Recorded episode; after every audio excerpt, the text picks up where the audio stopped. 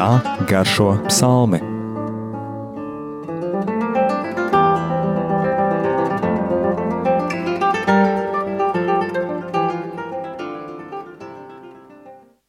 Slavēts Jēzus Kristus. Mūžīgi mūžos slavēts.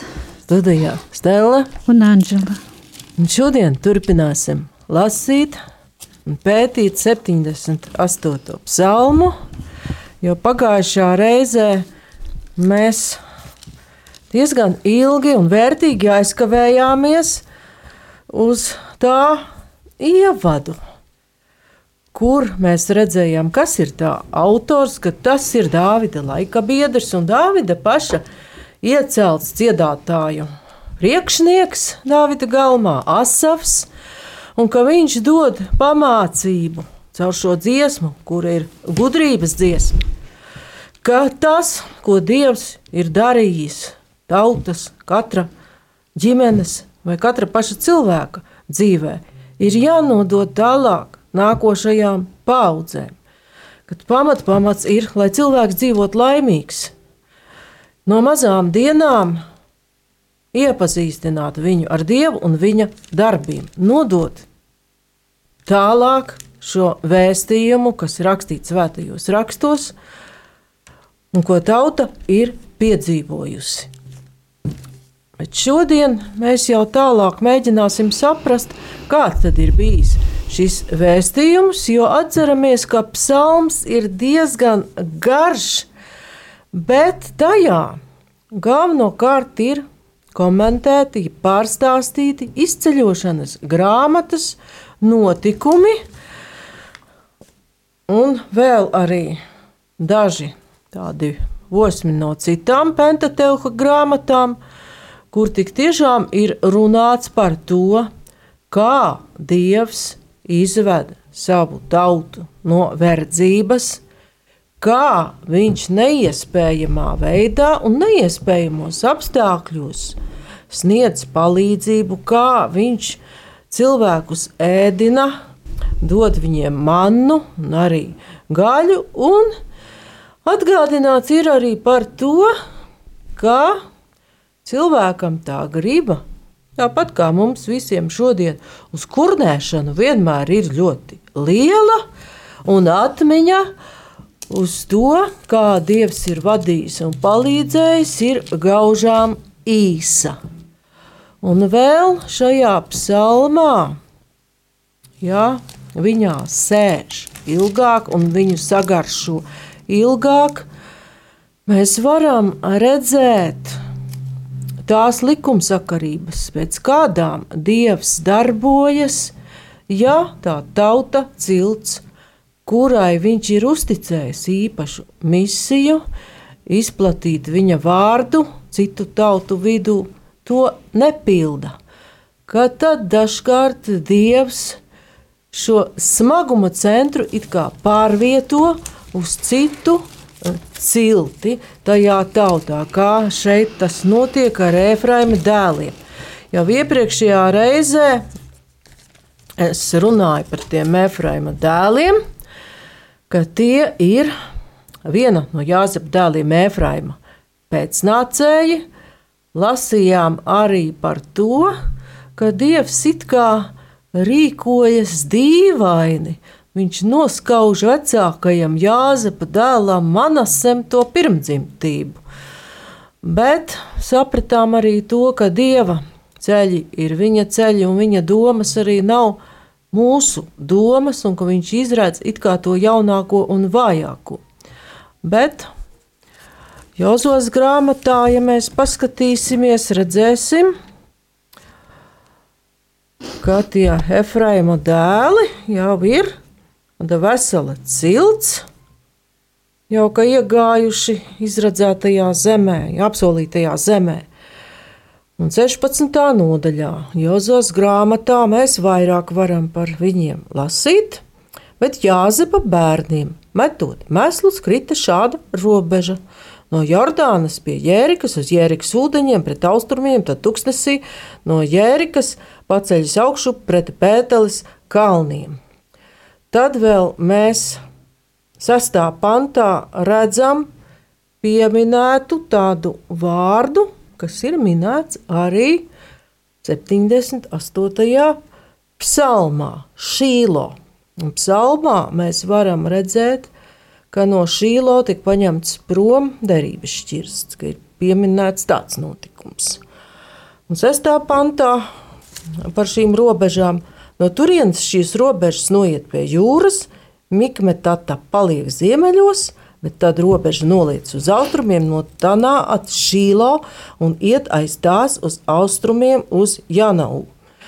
Nu, tā tad norādītas cilts robežas, kas ir pietiekoši lielas, un ja mēs vēl skatītu citas rakstu vietas, mēs atrastu, ka Efraima cilts bija liela, bagāta un ievērojama, un acīm redzot, tas arī bija tas cēlonis. Viņi sāka paļauties uz sevi un aizmirsa dieva lielos darbus. Un kā jau minēja psalma, centrālais posms ir visu dieva varano darbu pārstāsts, bet psalma noslēgums dod šo izpratni par to, ka Dievs var, tāpat kā Dievs savā laikā atmeta ķēniņu saulu, var arī atmest kādu cilti, kurai viņš bija uzticējis kādu īpašu uzdevumu, un pārvietot šo savu tādu izredzētības centru uz citu cilti, ko mēs redzam 78. psalma beigās. Vispirms mēs lasām, ka 60. pantā viņš pameta savu mājokli Šīlo, savu telti, kur viņš mājoja starp cilvēkiem. Viņš deva savu spēku gūstā un savu godību ienaidnieku rokā. Viņš nodeva savu tautu zobenu varā un iedegās dusmās pret savu mantojumu. Viņu jaunekļus aprija uguns, un viņu jaunavām nedziedāja kāzu dziesmas. Viņu priesteri krita no zobena, un viņu atraitas nevarēja viņus apraudāt. Tad pamodās tas kungs, kā gulētājs, kā varonis, kas paceļas no vīna noreibuma un sita savus ienaidniekus no mugurpuses, uzkrāva viņiem mūžīgu negodu.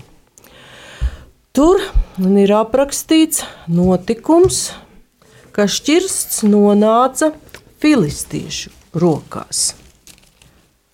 Par to mēs vairāk varam lasīt pirmā samuēļa grāmatā. Un samuēļa grāmatā, pirmā samuēļa grāmata 4.4. mēs jau pat no trešās nodaļas varam lasīt ka ir šī bīstamā situācija, stipra varena cilts, filistieši nāk virsū kā melna nakts. Un Izraels dodas karā ar tiem. Un jau otrā pantā redzam, ka Izraels tiek sakauts. Filistieši nogalināja atklātā kaujā ap 4000 vīru. Un trešā pantā Kas tad notiek tālāk? Kad Izraēla karaspēks atgriezās nometnē, tad Izraēla vecais sacīja: Kādēļ tas kungs šodien ir ļāvis filistiešiem mūs sakaut?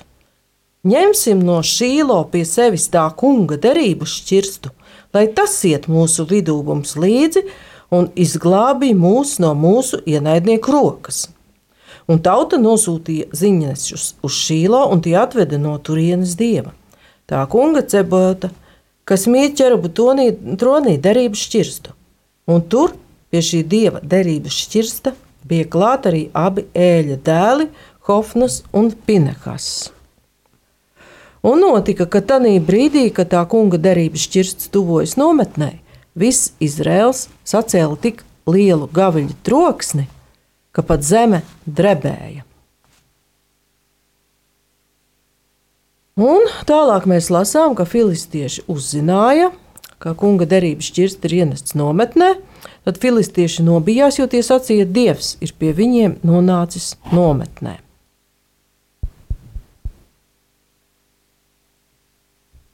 Bet tālāk notikumi risinās citādi nekā bija paredzējuši Izraēla vecajiem.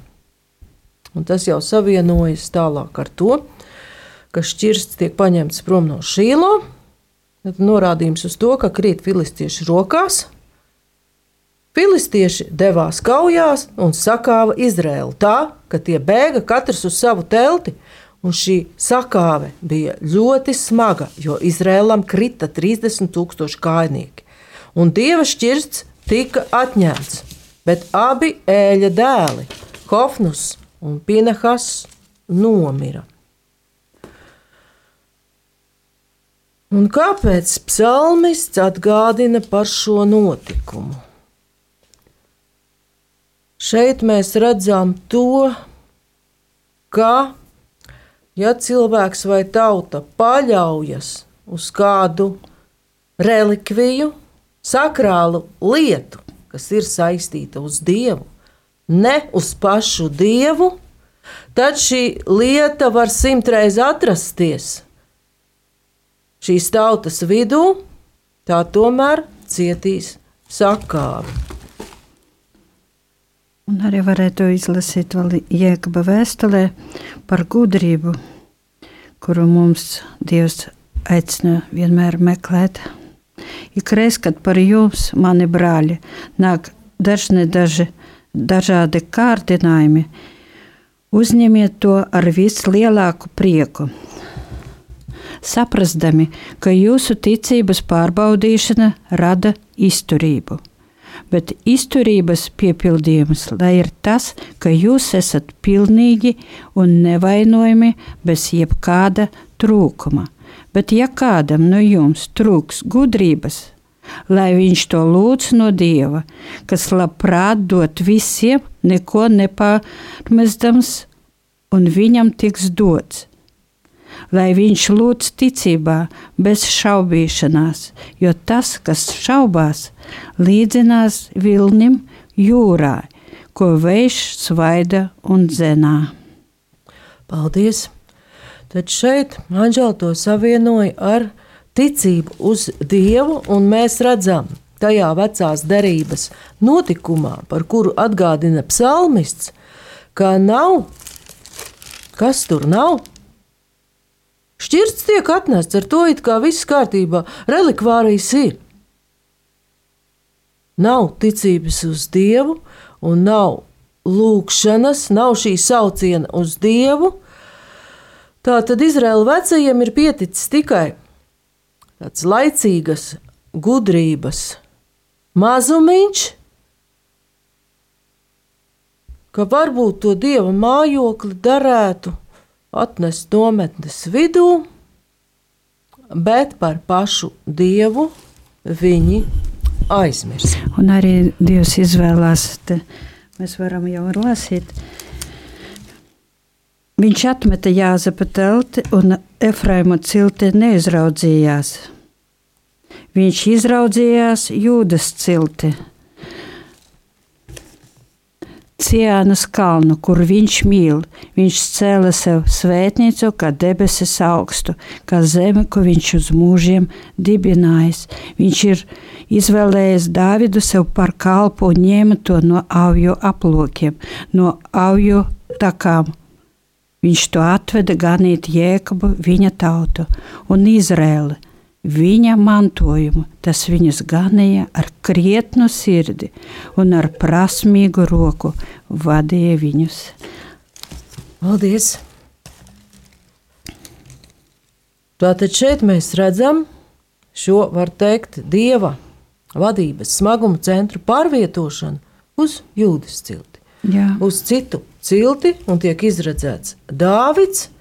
Un redzam šeit šos avju laidarus, Un vēl ko mēs redzam, ka tiek likti mūžīgi pamati, svētnīca līdzīga augstajiem kaldiem un spēcīga kā zeme, Ciānas kalns, uz kura atradās vēlāk templis. Tātad tur jau mēs varam redzēt jaunās derības, jauno Jeruzalemi. Un, ja runa par šo mūžīgo, mūžīgajiem pamatiem, caur Dāvidu mēs jau tālāk varam redzēt Jēzu Kristu. Un vēl mēs varam viņu netieši ieraudzīt arī aprakstā, 60. pantā un tālāk, kur ir runāts par šīlā, kuru es jau pieminēju. Un ļoti tāds nesaprotams it kā ir 61. pants.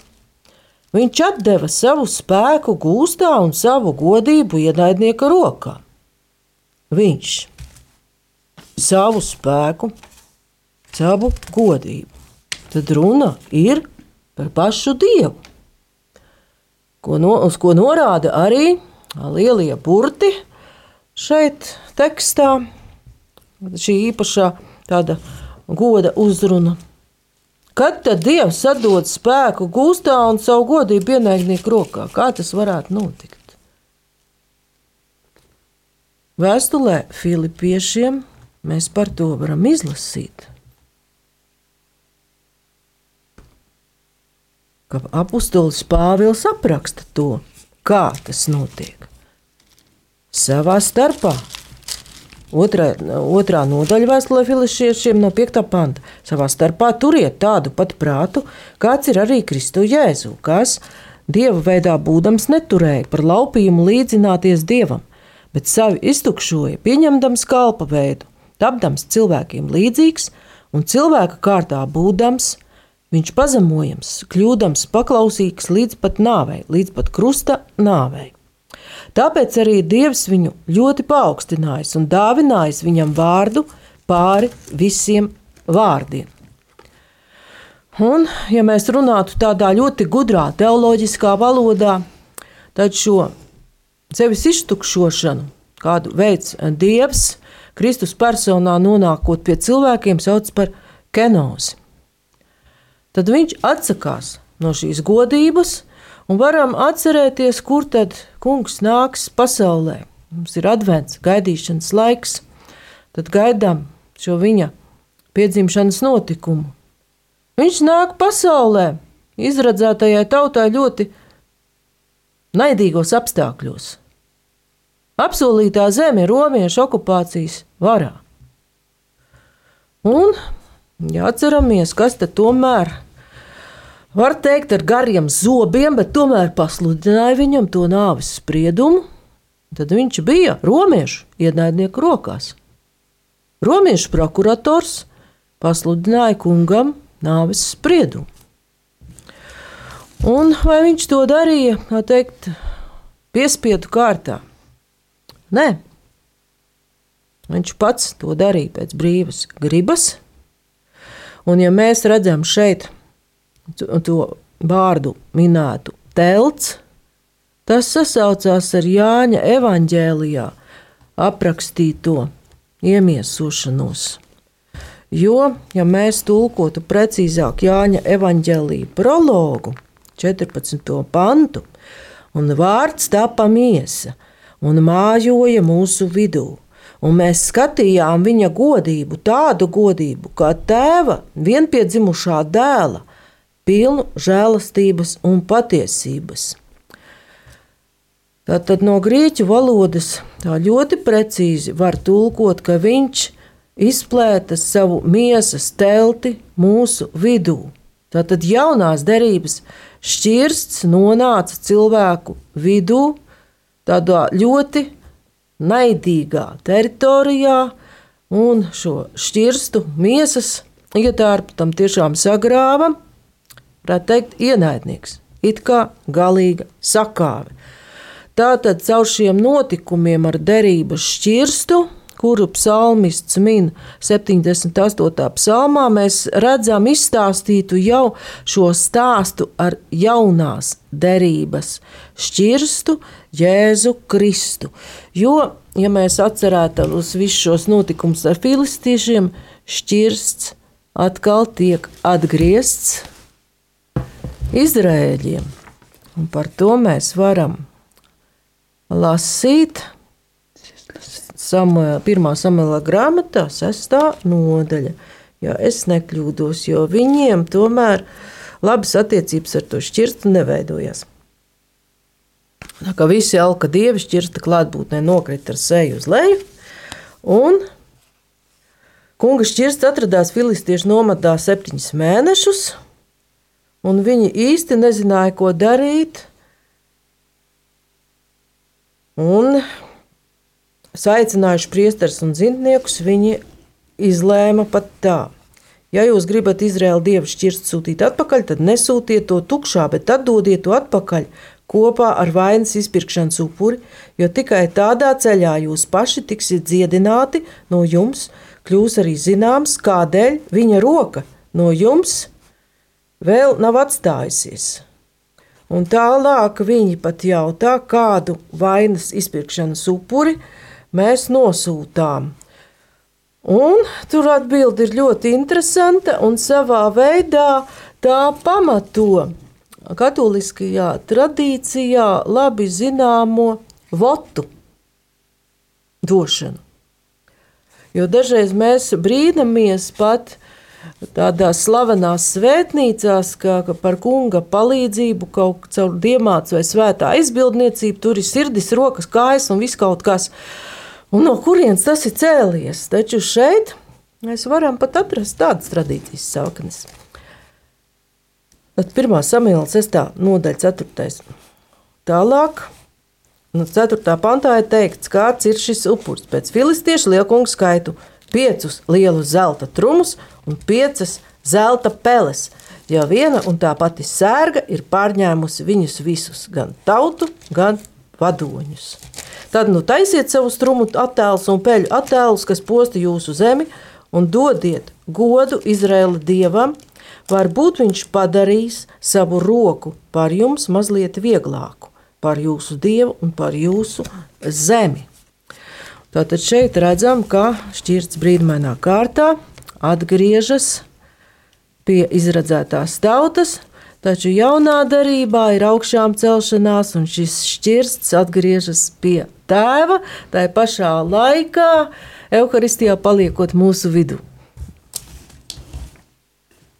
Nu jā, šeit vēl varētu izlasīt no Jāņa evaņģēlī, ka uh, Jēzus sarunā ar Pēteri, kad viņi bija pabrukstojuši Jēzus Sīmanim Pēterim jautāja, Sīmni, Jāņa dēls, vai tu mīli mani vairāk nekā šie? Tas viņam atbildēja, jā, kungs, tu zini, ka es tevi mīlu. Viņš tam sacīja, gani manus jērus. Jēzus tam jautāja vēl otrreiz, Sīmani, Jāņa dēls, vai tu mīli mani? Tas viņam atbildēja, jā, kungs, tu zini, ka es tevi mīlu. Viņš tam sacīja, gani manas avis. Trešo reizi Jēzus tam jautāja, Sīmeni Jāņa dēls, vai tu mani mīli? Pēteris noskamu, ka viņš tam trešo reizi jautāja, vai tu mani mīli? Un viņam sacīja, kungs, tu zini visu, tu zini, ka es tevi mīlu. Jēzus tam sacīja, gani manas avis. Šeit arī izredzētība, kā kungs izredz Pēteri, lai viņš gana visu ticīgo tautu. Paldies! Tātad šeit mēs redzam, kā jaunās derības šķirsts turpina dzīvot mūsu vidū. Mēs paši esam tajā iekšā baznīcā. Jo šo baznīcas dibināšanu vispirms mēs redzam Mateja Evanģēlijā 16. pantā, kur arī kungs uzrunā Pēteri Tu esi klints, uz kuras es celšu savu draugu. Jāņa evanģēlijas ļoti skaidri parāda šīs Pētera pilnvaras ganīt tautu.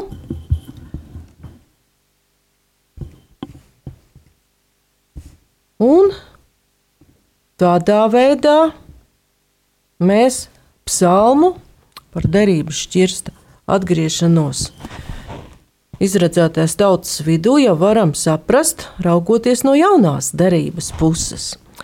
Bet skatoties to, kas pat labāk notiek gan pasaulē, gan Eiropā, mēs redzam, ka šis, var teikt, dieva spēka smaguma centrs īsti negrib pildīt savu uzdevumu - kristīgā Eiropa.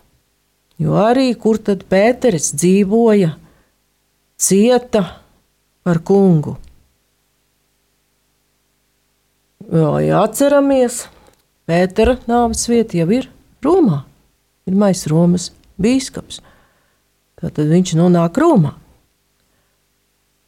Ka šobrīd arī notiek tas pats, par ko psalmists atgādināja, ka varbūt pat jau iepriekš vēsturē cilvēks ļoti paļaujas uz šīm ārējām formām, kas it kā liecina par dieva klātbūtni. Bet tajā pašā laikā viņās dievs var nebūt klātesošs, ja nav šīs lūkšanas un uzticēšanās dieva vadībai. Ka šobrīd jau pat daudz kas no tā, kas ir kristīgās pasaules simboli, ir šo savu saturu, varbūt skan diezgan tā biedējoši, pat ir zaudējis nozīmi, jo, ja atceramies tādus kristīgās pasaules simbolus kā Parīzes Dievmātes katedrāli, arī Vatikāns Romā, tomēr mēs saņēmām šo zīmi caur Dievmātes katedrāles ugunsgrēku. Arī Vatikāns patreiz ir tukšs un kluss, jo Eiropa ir pārņēmusi nezināma sērga. Tas liek domāt, kāpēc tā ir noticis. Vai kristīgā baznīca visas šīs tautas Eiropā, kas ir aicinātas Kristu nest visai pasaulē, pilda savu uzdevumu, vai viņas ir ciešā draudzībā ar Dievu, vai arī šobrīd meklē Dieva palīdzību vai paļaujas uz kaut ko citu. Labākajā gadījumā varbūt uz kādu relikviju, sliktākajā gadījumā tikai un vienīgi uz ekonomiku un medicīnu. Nu jā, turpinājumā arī var izlasīt Pāvila pirmās vēstules korintiešiem vārdu no desmitās nodaļas. Brāļi, es negribu, ka jūs paliktu neziņā. Visi mūsu tevi bija apakš padebeša, un visi viņi izgāja caur jūru. Un tajā padebesī un jūrā viņi visi ir kristīti uz mūzu, un visi ēda vienu un to pašu garīgo barību, un visi dzēra vienu to pašu garīgo dzērienu. To viņi dzēra no garīgās klints, kas tiem gāja visur līdzi, un tā klints bija Kristus. Bet uz daudziem no viņiem dievam nebija labs prāts, un viņi tika pazudināti tuksnesī. Tas ir noticis mums par zīmi, lai mēs netikotu pēc ļaunā, kā tikoja viņi. Nekļūstiet arī par elku pielūdzējiem, kā daži no viņiem, kā ir rakstīts, tauta apsēdās ēst un dzert un cēlās līksmoties. Neļausimies izvērtībai, kā daži no viņiem ļāvušies, un vienā dienā gāja bojā 23,000. Nec iz, izaicināsim Kristu, kā daži no viņiem izaicinājuši, un gāja pazušanā no čūskām, nec kurniet, kā daži no viņiem kurnējuši, un gāja pazušanā no maitātāja.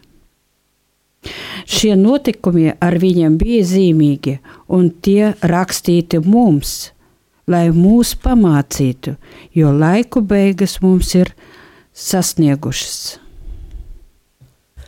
Un tādēļ, kurš iedomājas, ka viņš stāv, lai raugās, ka nekrīt.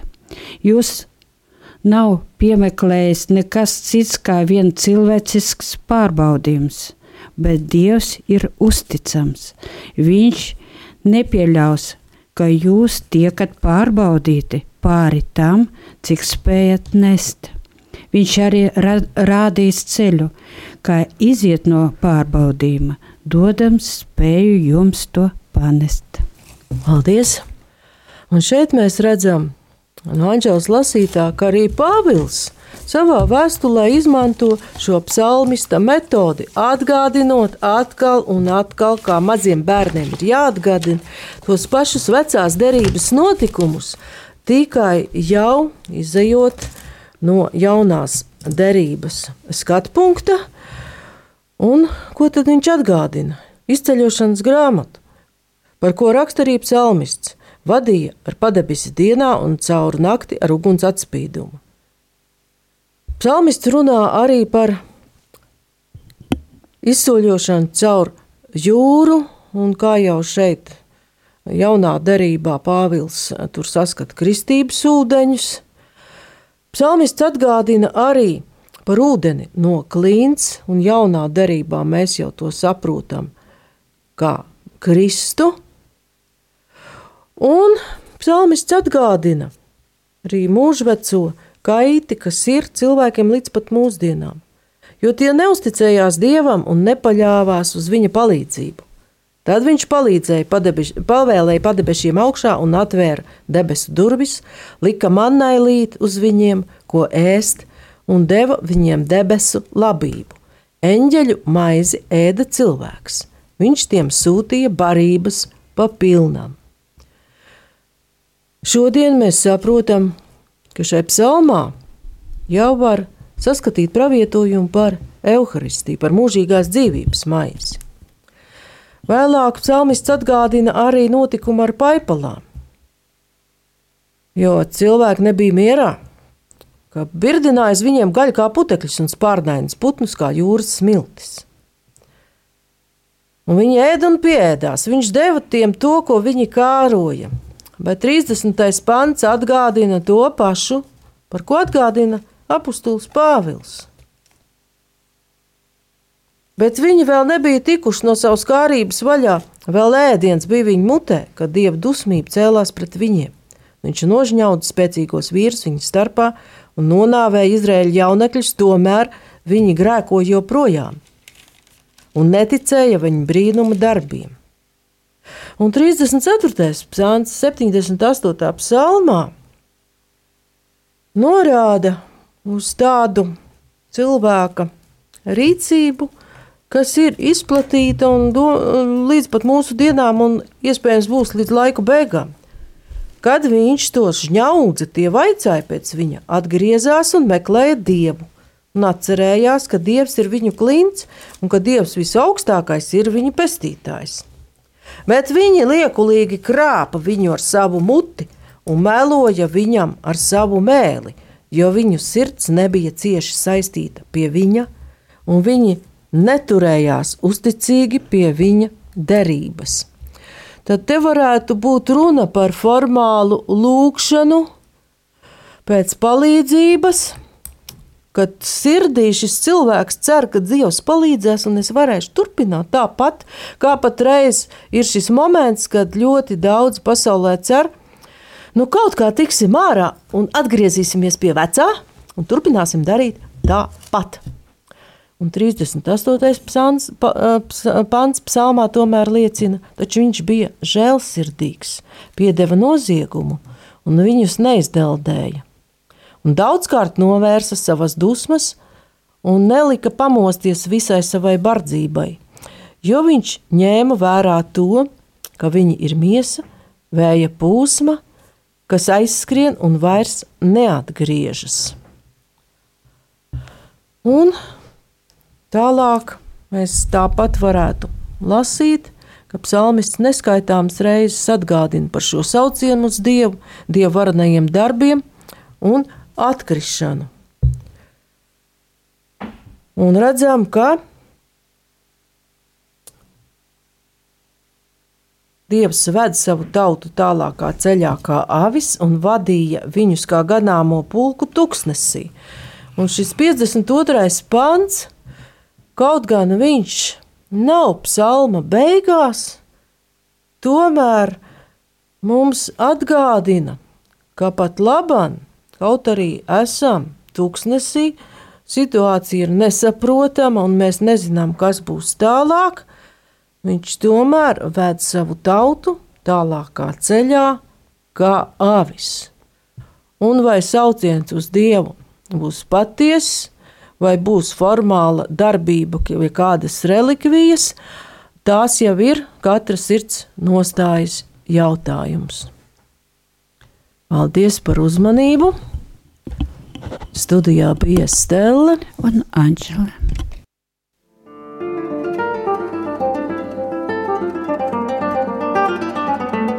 Kā garšo psalmi?